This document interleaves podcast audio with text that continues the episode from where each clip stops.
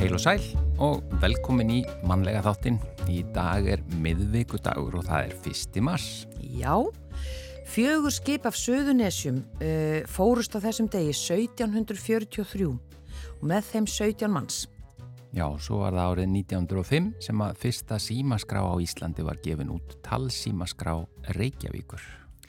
1940 vélbáttinn Kristján frá Sandgerði rak vélarvana að landi eftir 12 dagar rakninga.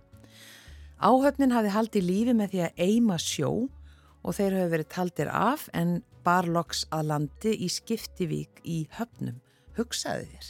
Já, uh, ansist, 12 ansist dagar. niður er að, að ná að eima sjóin. Maður þarf eiginlega að læra það. Uh, Strætisvagnar Kópavogs hófu starfsemið á þessum degi árið 1957. Já, merkistagur í sögunni. 1978 jarneskum leifum Charles Chaplin var rænt úr kirkjugarði í Sviss. Ný umferðalög gerðu nótkun ökuljósa allan sólarhingin að skildu og svo nótkun öryggisbelta, þetta var semst á þessum degi árið 1988. Og svo var bjórin leifður á Íslandi á ný eftir áratögabann 1989. Og á þessum degi árið 1991 voru Ólasfjörðagöngin formlega opnuð, þau voru þá lengstu veggöng á Íslandi um 3400 metrar. En yfir í efni þáttarins í dag, við ætlum að fá aðeins að vita hvað Camp A hlýjuhof í Ölfusi er. Þar sem þau hjónin Andrea Eiland og Þorleifur Kampan standa á bakvið Camp A sem þau kalla andrými fyrir foreldra. Þau eiga rúa börnum eins og þau orðaða sjálf og uh, hafa unnið saman að bók, sjómasþætti eða sjómasþáttum, uh, hlaðvarpi og fleiru um badnegnir frá flestum hliðum. En eins og þau segja þá er markmið þeirra að gera heiminn örlíti betri fyrir foreldra og börn. Og Ólöf Þóra Sveristóttir, kennaranemi og samstarfskona þeirra, hún ætlar að koma yngað eftir ásamt andriu og það er ætla að segja okkur betur frá Kambi. Já, svæðisgarður, hvað er það? Hvaða tilgangi þjónar hann og hvert er markmiðið með honum?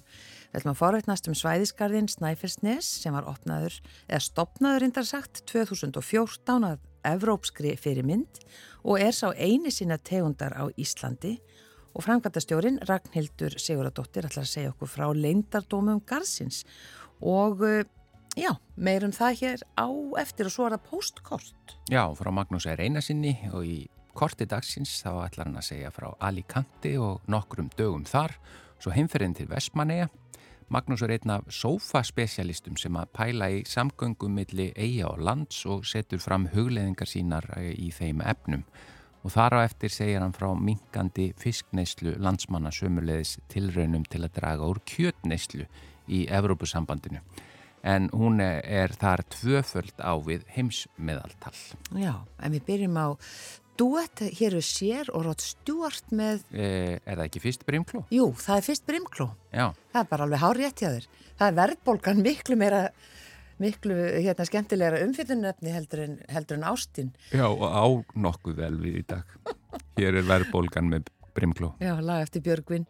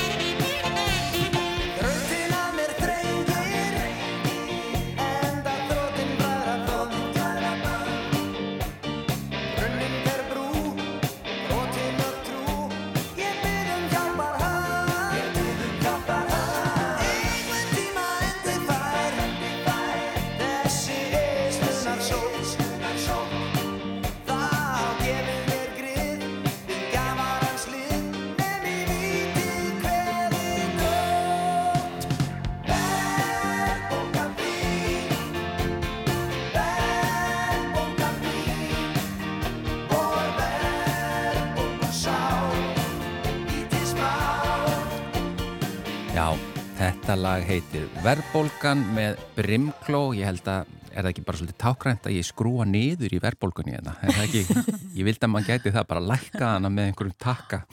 En þetta lag er semst eftir Kjartan Halldórsson og, og nei, Kjartan Heiðberg og Björgvin Halldórsson. Eh, en hingað eru komnir góðir gestir. Það er Ólöf Þóra Sveristóttir og eh, Andrea Eiland. Velkomnar í mannlega þáttin. Takk. Það er þetta... Eh, Campey, Mhm. hvað er það? Bara útskýrið það fyrir mér. Campey er hlýjuhof fyrir fóreldra í uppbyggingu. Við ætlum að opna... Hvað er hlýjuhof? Já, hlýjuhof er okkar þýðing á retreat. Það er Já. ekki tilnætt íslenskt orðið við retreat. Nei. Og þetta verður sérst fræðslu og kvildarsetur sérstaklega miðað að fóreldrum til að bæta þeirra líðhelsu og veljaðan. Það er sko, nú held ég að klingi bara bjöllum út um allan bæ og út um all land, fólk sem er að hlusta því að auðvitað það, er, það getur verið mikið álag að, að vera foreldri Andrea, hvað er mörg börn á heimilinu? Þau eru nú bara fimm heimbúandi, sko. Já, já, Já. en þau eru síðan fleiri Nema aðeins í- fleiri það ekki. Já, þau eru aðeins fleiri, en þau eru aldrinum þryggja til átjánóra Já, í heldina. Þannig að við erum svona samsett fjölskylda af bestu gerð. já Og ég menna að þú hefur, uh, þetta er ekki að fyrsta sem þú gerir í, í, í þessa átt. Nei, Það er að segja sjónvastþættirnir, já, líf kviknar ekki satt? já, þetta byrjaði sko hérna við þorlegu sambilsmaður minn og, og barsfæður og kærasti. Hérna höfum ásamt góðu fólki gegn tíðina búið til alls konar efni tengt foreldrum. Mm -hmm. Það er svo við séum einhvern veginn bara búin að velja okkur þessa leið. Þannig að byrjaði á bók sem heitir Kviknar og svo erum við búin að gera tæplega 40 hlaðvarp, hlaðvarpstætti, tvær sjómaserjur, Líf Kviknar og Líf Dafnar og erum með Instagram samfélag uh, sem heitir Kviknar, það sem eru fóreldrar að tala saman á persónlega nótum. Og núna, hérna, eftir að Ólöf kom inn í teimið okkar, að þá er Kambei bara næsta skref. Þannig að Kambei er í raun og veru öll þessi fræðsla Mhm. og þetta samtal fóreldra og, og við náttúrulega með, með aðstóð fylgta sérfræðinga í, í öllu þessu ferli e, svona í, þetta, þetta í raunheimum.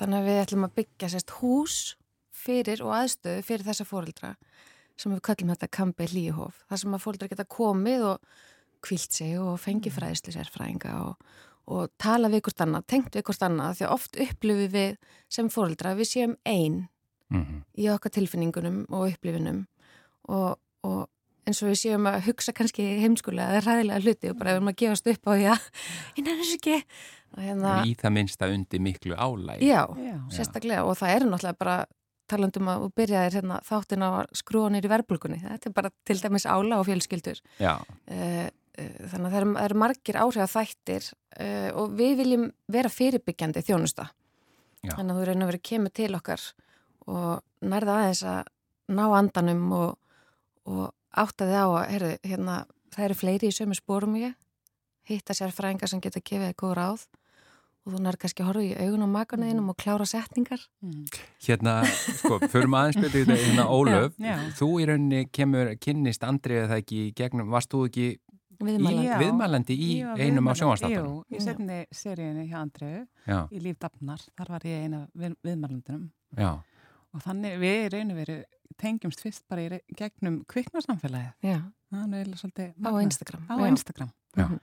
og svo hefur við bara farið í þessa hugmynd að vinna hvað, hvað er hægt að gera fyrir fóreldrar landsins já, þetta er góð setning sko sem ég las þarna uh, hjá ykkur uh, um að, að gera heiminn örlíti betri fyrir foreldra og þar af leiðandi börn, Já, því að auðvitað helst þetta í hendur. Já, Ef það. líður ekki vel, þá getur ekki verið auðvelt að vera barn í þeim heimi. akkurat. En, eh, en börn eru ekki sem sagt, það er ekki hugsa að þau séu á staðnum þarna. Nei, þetta, þetta er bara fyrir foreldrana. Já. Já. við ætlum bara að bjóða fóreldrarnum upp á, upp á þessu dvöl og svona einmitt að geta og rækta parasambandið Já.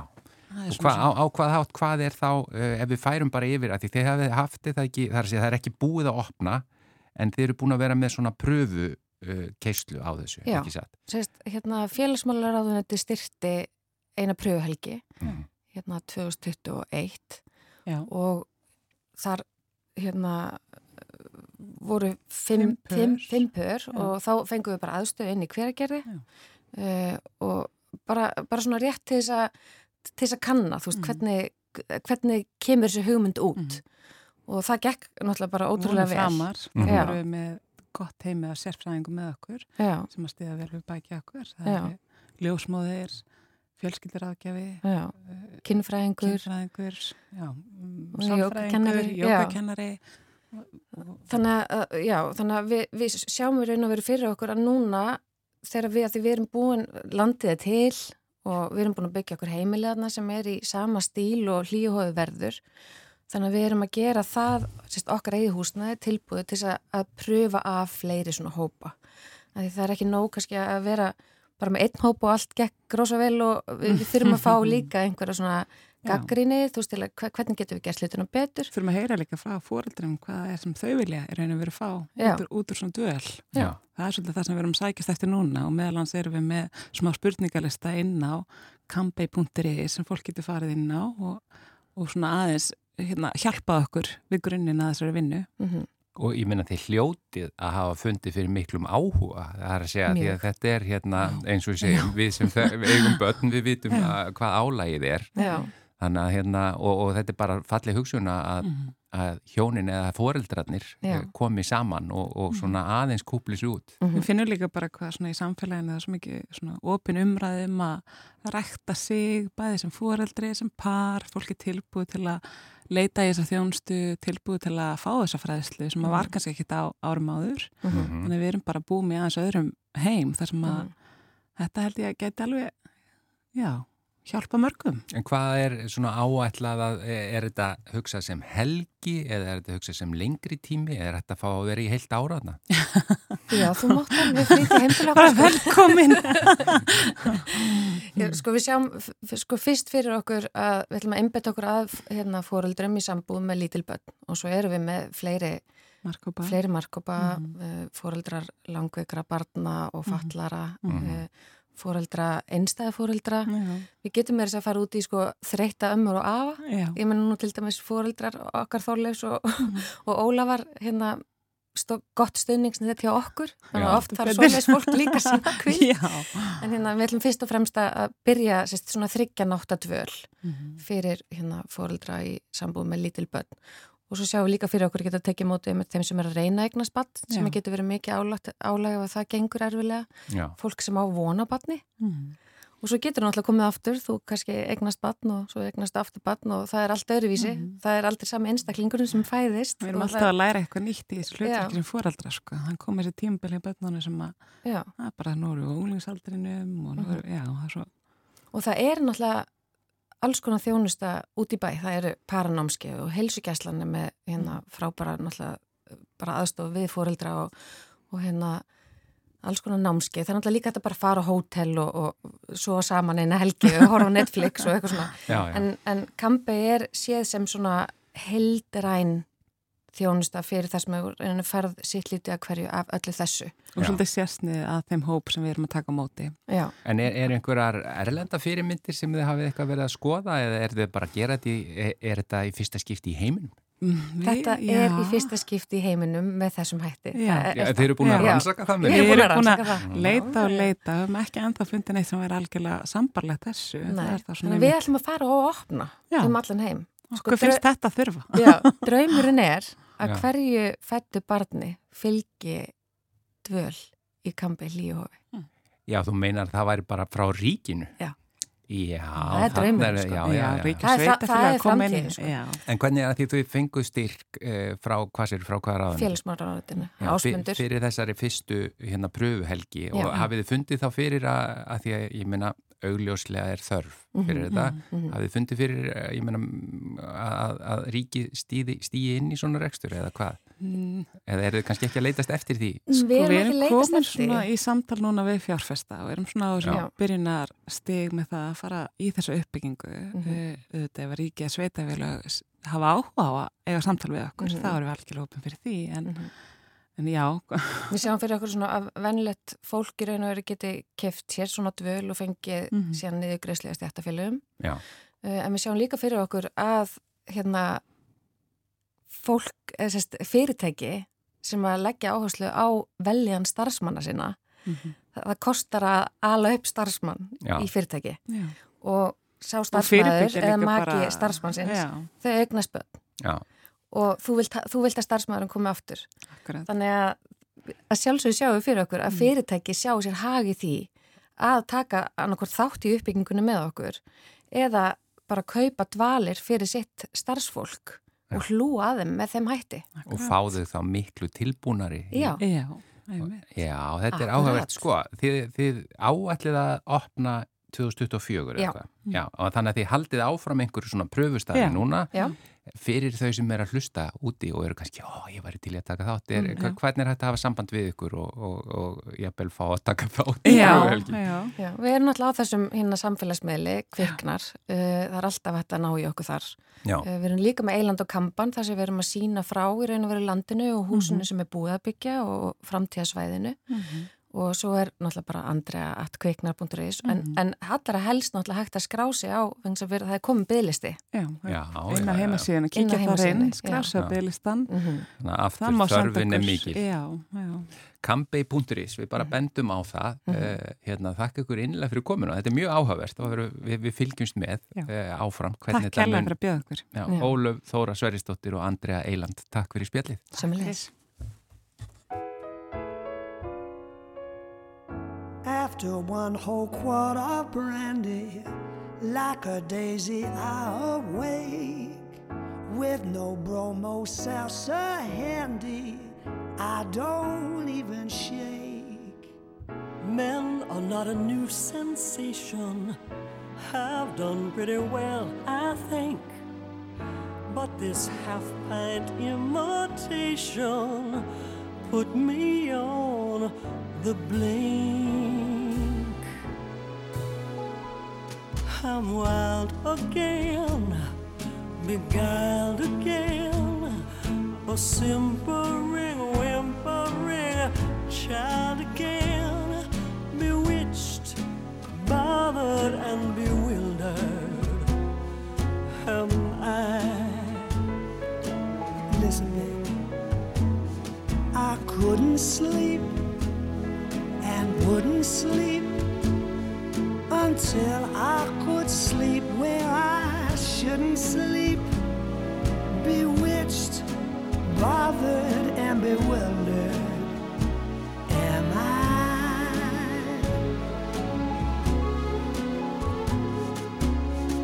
Lost my heart, but what of it?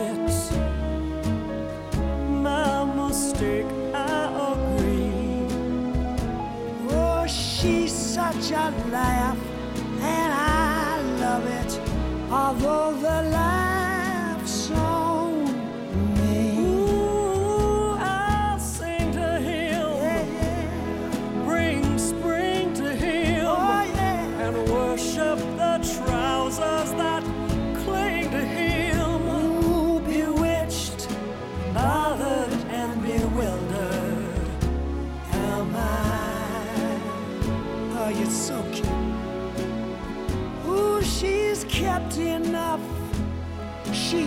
Slept enough.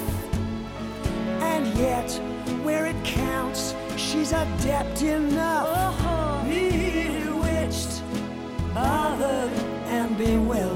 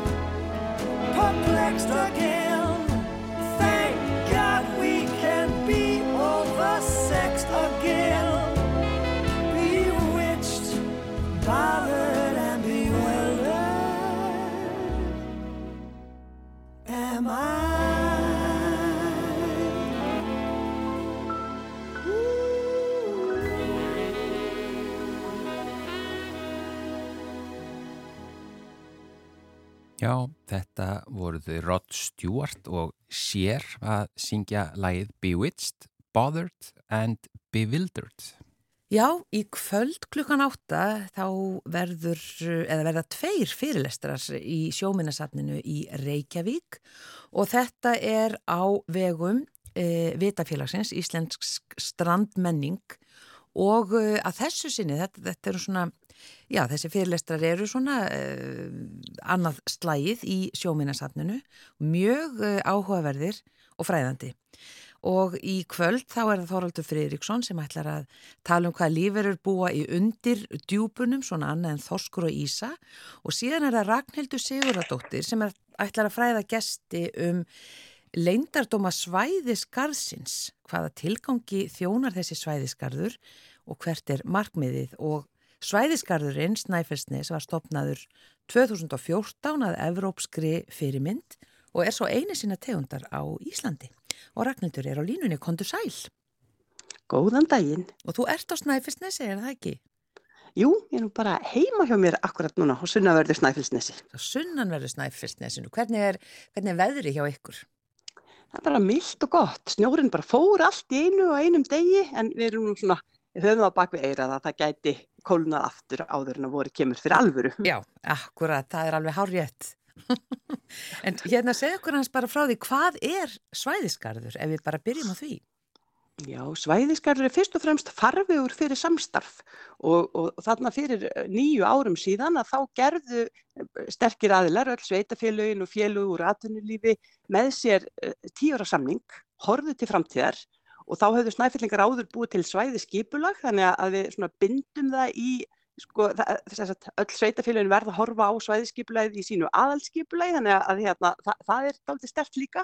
En fyrst og fremst er þetta þessi, þetta lofvörð að bara takast í hendur hvort sem við erum í landbúnaði eða sjávortu eða ferðarþjónustu eða, eða viljum grípa nýju tækifærin af því að okkur þykir vænt um svæðið, náttúru og menningu og viljum byggja á sérstöðu þess og við viljum vera umhverfisvæn og Og í rauninni, sko, mér finnst best að útskýrta þannig að, að, að því við erum líka með þjóðgarð á Snæfellsnesi og, og mjög góð samvinna þar. Og þjóðgarðurinn eru þetta fyrst og fremst verndun á náttúru og, og menningararfi. Og, og svo er það svona nýting á sjálfbaranhátt en hjá okkur er þetta sannst öðugt. Okkur er þetta græsrótin, fólki sem býr, hvernig getum við nýtt þessar auðlendir okkar á sjálfbaranhátt, unnið saman? Og, svo auðvitað erum við líka að hugsa um að, að hérna, já, verndun en, en, en fyrst og fremst að nota. Og, og á hverju ári þá koma eigandunni saman, setast bara við stórt ringborð og ákveða verkefni næsta árs. Og, og það er þeir sem að borga mér launin og, og borga sagt, hérna, brúsan þannig að þess vegna mætir fólk mjög vel og, og hugsar vel hvað, hvað er núna mikilvægt fyrir Snæfellsnes. Og við erum bæði með svona langtíma stefnumarkandi verkefni og svo erum við með svona lítil verkefni sem að vonandi talin í samtíman á hverjum tíma, bara nákvæmlega það sem að brennur á snæfyllingum á hverjum tíma. Já, þannig að þetta er svona sameinleg sín í rauninni. Já, já, sameinlega sínin er til, við já. vitum hvert við viljum stefna og svo sérst, erum við með tillögur að fullta verkefnum til þess að ná þessari sín, svo þurfum við auðvitað að vera raunsæ, þannig að þess vegna er þetta val á hverju ári, hvaða verkefni ætlum að ráðast í núna og, og svo bara vinnum við markvist af því. Og, og hérna, svo hefur þetta náttúrulega verið að fróast hjá okkur yfir þessi ár, núna til dæmis nýbúin stjórnafundur og, og hérna þau eru bara með svipuna á, á starfsmanninum sínum að, að sagt, við eigðum mesta, mestu, mesta kraftinum í forgangsverkefni hérna, af því að annars það er svo auðvelt að bara fara út um víðanu völl. En stundu fæ ég að gera eitthvað svona skrítið og skemmtilegt eins og að fara í bæin og, og tala um strandmenningu og sem betur fyrir, það er líka mikilvægt. En það eru sérst, þessi, þessi stóru verkefni núna, svæðismörkun Snæfellsnes og, og fyrirmyndar útvistastígar og að, að Snæfellsnes verði fyrsta UNESCO menend bæjusferðsvæðið á Íslandi. Við erum gestastofu Snæfellsnes sem er ofinn á hverjum degi og við erum alltaf með metnaðu full matarverkefni í gangi. Þannig að þetta eru, svona, þetta eru stóru verkefnin okkar núna og svo erum við í alls konar skemmtilegum verkefni. Já. Og hverju svona, já, hefur þetta áorkað ef þú svona lítur tilbaka, þetta er þá nýjunda árið, er það ekki núna? Jú, Já. jú. Einmitt, og, og eftir fimm ár þá fórum við í daldi góðan aflskoðun og, og gerðum upp öll, öll verkefnin og svona og, og, og hérna, já, ég vil meina það. Fyrst og fremst hafi þetta skilað því að, að við vinnum betur saman. Senst, nú eru sveitafélugin orðið fjögur eftir síðustu sammenningu og, og, og svo erum við með þrjú búnaðafélög og við erum með ferðamálasamtökin og, og við erum með stjættafélagið vörð, þannig að þetta skiptir gríðarlega miklu máli. Og um, og eh, við erum, sem sagt, sumi verkefnin okkar eru bara stór þannig að við, við erum að gera þau í áfengum en, en okkur dreymir um að, að þetta verði svona paradís til dæmis útivistafólks og, og íbúa, líka lífi helsuverkefni að, að menn geti gengið um snæfilsnes, hjólað um snæfilsnes eða riðið um snæfilsnes. Uh, við erum búin að búa til allskynst tólutæki í svæðismörkun og, og kenna fyrirtækjunum okkar á það þannig að við vonum að þið finnir að þið eru komin á svæði sem að vinnur saman og, og, hérna, og mennur svona nota sagna arfin og, og nota nýja logoið og nota sögurnar og hérna. Og já, vinnan við til dæmis það að verða UNESCO mennit bæjusverðsvæði er, er undirbúinsvinnunni búin og, og nú hérna býðum við eftir stýrihópi og, og bara fá að setjast niður og byrja að skrifa umsóknina, mjög spennandi verkefni. Gestastofan er, er tilbúin og opinn og það er ekstra hverjum degi þó að við séum alltaf náttúrulega á tánum að gera eitthvað nýtt og hugsa það áfram. Og svo, sagt, við, við kláruðum, við erum búin að klára nokkur matarverkefni, búið til sælkeraferðir um Snæfellsnes og, og, og hérna unnum með frábæru matarframleðendum í fyrra og núna eru við semst að, að fjármagna nýtt verkefni okkur langar að búa til eh, svona þætti þar sem að, hérna, ég má nú ekki uppljóstra of miklu en, en okkur langar að, að varpa ljósi á þessa, þessa sögu, hva, hvar er ráefnið, okkur langar að varpa ljósi á alla flottu veitingastæðin okkar og framleiðenduna, við viljum að þið viti nákvæmlega hvað þið geti keft snæfellska matinn, við viljum hérna, að allir fá bara vatni munnin þegar hugsa um snæfellsnes. Þetta er svona, já, það sem er kannski efst á bauði hjá okkur núna. Ég sé hérna, ég er að skoða inn á, á snæfisnes.is uh, hjá uh, undir svæðisgarðinum að það eru erlend fordæmi, það, segja, það eru svæðisgarðar viðsvegar um Evrópu í það minsta. Eru því samstarfi við einhverja slíka? Já, við hefum hort til Sviss til dæmis og, og hérna það eru margir góðir hlutir að gerast við það en, en fyrst og fremst höfum við hort til Noregs mm. og, og við fengum góða aðstóð frá þeim þegar við vorum að, að leggja stað og þeir byggu til dæmis til bara sérstaklega hillu fyrir okkur í, í svona sín, sínum reglífa samtökum sem heita Norske Parker. Þeir hérna vinna mjög mikið með svæðiskarra í Nóri, það eru margir öflugir svæðiskarrar þar, þannig að, að þar til dæmis e, hittust við á, á svona hálftíma morgunkaffi hálfsmánaðilega og, og hérna deilum reynslu og, og við höfum frá upphafi tekið þátt í alþjóðlegum verkefnum að því að, en, en reynum að velja þau vel að það sé þá eitthvað sem að virkilega er bitastætt fyrir okkur en, en við teljum það mjög mikilvægt að læra af öðrum og svo er nefnilega taldið skemmtilegt þegar maður finnur það að við höfum líka ymsu að miðla þannig að ég held að það sé bara mjög mikilvægt að þeir okkur Íslandika halda áfram að vera öflug í alþjóðlegri saminu. Já. Og eins og við Guðrum vorum að pæli, já, hvað er þessi svæðisgarður? Þannig að hann, hans er ekki eiginlegur garður, þetta er bara þetta samstarf. Þannig að fólk fari nú ekki að leita á hann á Snæfellsnesi. Sko, það er reyndar, nú erum við að vinna svona stilta stefnu og viljum að þið sjáu bara vel og það er núna svona velkomin á Snæfellsnes og það er þetta sama svæði sem hefur örþtjekku umhverfisvottunina. Þess að núna eru sveitafélugum fjögur sem eru öll á Snæfellsnesi eftir sammenningu Helgafellsveitar og Stikisholms. Mm. Þannig að, að þetta eru um 4000 íbúar, þetta eru þessi fimm fallegu sjávarþorp á norðanverðu Snæfellsnesi og þetta er dreifbílið hérna sunnan megin. Þannig að þetta er Veist, við getum svo rætta, sko, landfræðilega er Snæfellsnes náttúrulega aðeins stærra, það er skóaströndin og kolbeinstæðarheppur en, en við, svona, við kusum að, að hafa garðin þar sem að, að sveitafélun eru öll í á Snæfellsnesi og, mm. og það, eru, það er sama svona, svæðið þegar þú horfir á kortið og, og svæði skipulegið næri yfir. En svo vinnum við þetta mjög vel með nákvæmum okkar í dölunum og, og, og borgarfyrði og, og hérna, þetta tengist auðvitað allt eins og til dæmis í sambandi við ferðarleiðir og slíkt sko. Þannig að, en, en já, við erum snæfilsnes. Já. Sko eins og ég, ég romsaði upp um mér áðan þessum uh, forgansverkefnum en, en eins og fyrirmyndar útvistastíðarnir, þeir tengja saman alla þessa staði sem að núna eru 28 sem hafa verið byggður upp fyrir íbú og gesti og allir eru velkomnir, hvort sem það er að fara upp á ákveðin fjöll eða, eða niður að sjó eða, eða hvað og, og sjórn er náttúrulega alltaf nálægur og, og bæði er það semst, á, þetta gamla og við erum að vinna núna síningum sjókonur og snæfilsnesi og, og þið getur séð minjar eins og eitt rítrík og, og endalösa sögur. Um, en, en hérna líka semst, að tengja saman þess að flottu bara nú tíma bæi á norðanverðu Snæfellsnesi og að, að þú geti farið á veist, úr Stikkisólum í Grundafjörð og, og Grundafjörði í Snæfellsbæ og svo framvegis. Og, og, og sveitafélunir byrjuða þessu og við höldum ótrúð áfram og það er svona þessi sameila sín og hafa þessi verkfæri sem við þurfum til að geta sagt, tengt allt saman millir sveitafélagana og hérna, og svo sagt, um, já, bara hérna, ég get náttúrulega haldið áfram að tala um þetta en, en sagt, já, strandmenningin sko, að, að hérna menend bæjósfer svæði til þess að komast í gegnum það skráagat hjá UNESCO þá þarf það að vera með kjarnasvæði sem er þá með, verndað með náttúruvendalögunum sem er þjóðgarðurinn okkar og svo þarf það að vera með ölluga fræðslu áallun með háskólum og rannsóknarstofnunum og, og, og þú þarf að vera búin að hugsa um, um lofslagsbreytingar og hlínun jarðar og þú þarf að vera með orkustefnu og allt þetta og, og hérna, við erum sagt, á, á þessari leið og erum mjög stolt af umhverju starfinu sem hefur verið unnið og viljum bara öll bæta þar í og það er eitthvað svo mikilvægt finnst mér að, að sest, nálgast fólki þar sem það er í atvinnugreinunum og vinna sest, saman. Þannig að það sé ekki að koma bara eitthvað svona að ofan heldur sé þetta drivkrafturinn að neðan að, og, og strandmenningin tengist líka og sérstaðan matnum eh, þetta svona góða hráefni og það sem við höfum viljað kalla ábyrgar, ábyrgan heiðarlegan mat að, að hérna setja helst engin aukaefni í þetta og, og við erum svo heppin að hafa hann Rúnar Marvinsson hérna hjá okkur á Snæfellsnesi og, og hann já. er alltaf að skóla okkur til og, og segja okkur að, að hérna það sé hægt að, sérst, þegar hann var að byrja í þessu, það er alveg sama hvaða góðu hugmyndir við komum með, hann er í rauninni búin að prófa þetta allt og, en, og alltaf á tánum en, en, og tilbúin að miðla.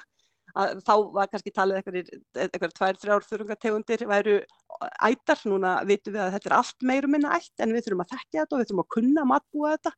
Og, og þessi góði fiskur sem kemur bæði úr ánum og sjónum og, og allski sjáarfang og, og svo er hér uh, í öflugu landbúnaður og hérna og við viljum svo gerðnan að, að þessar matvörur séu mertar snæfilsnesi og það fylgir þeim þessi saga og það fylgir þeim þetta lofurð með, mm. með hérna, hvernig við erum að vinna og hvernig við viljum vinna Já. hér.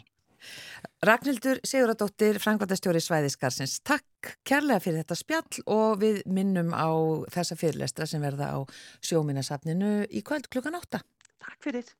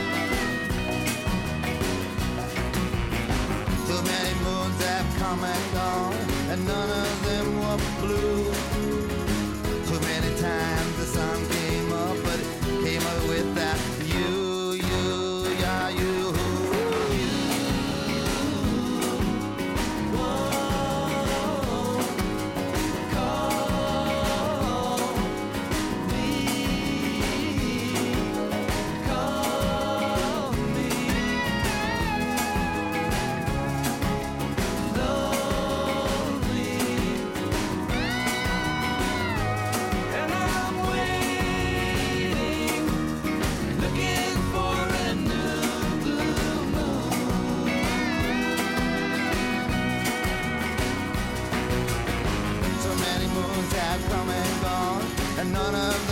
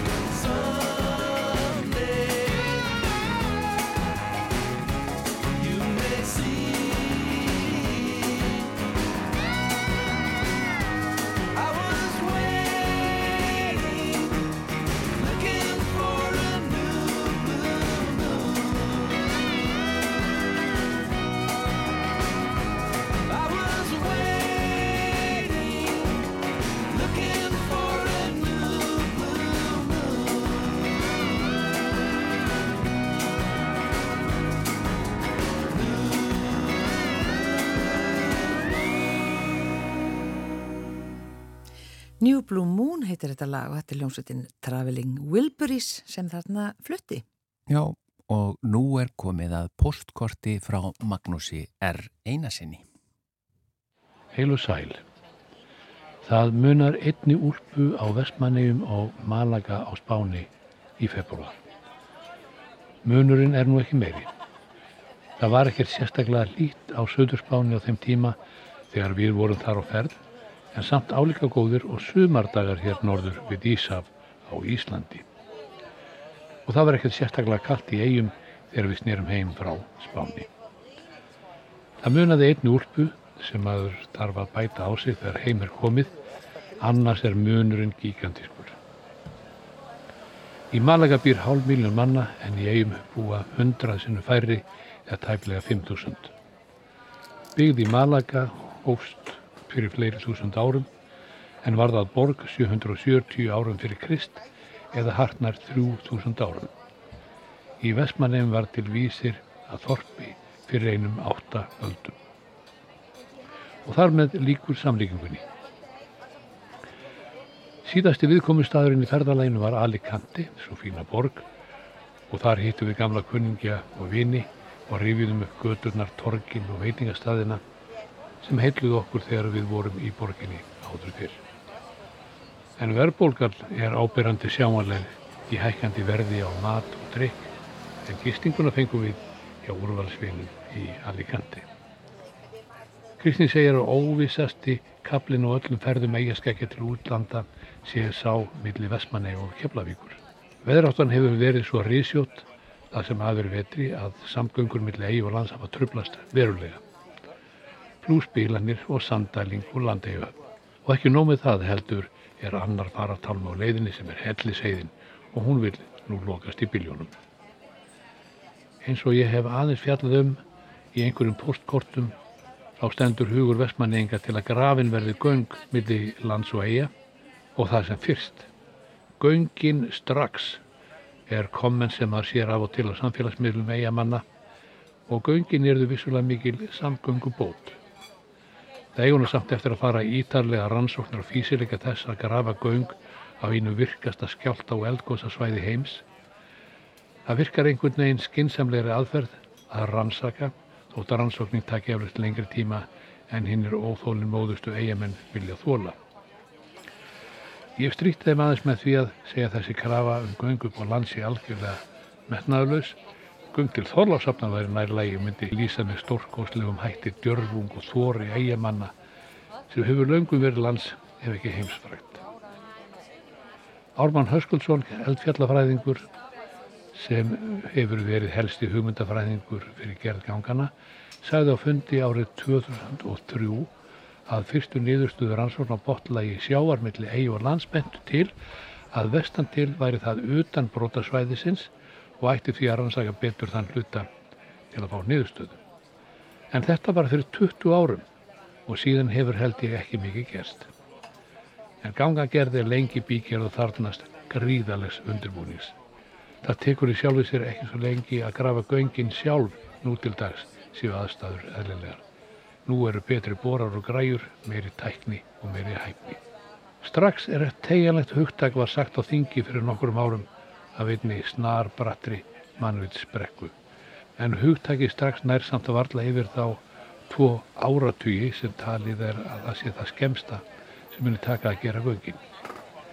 En aðaladrið er að kanna jarðlaugin, tilurð þeirra og þróun.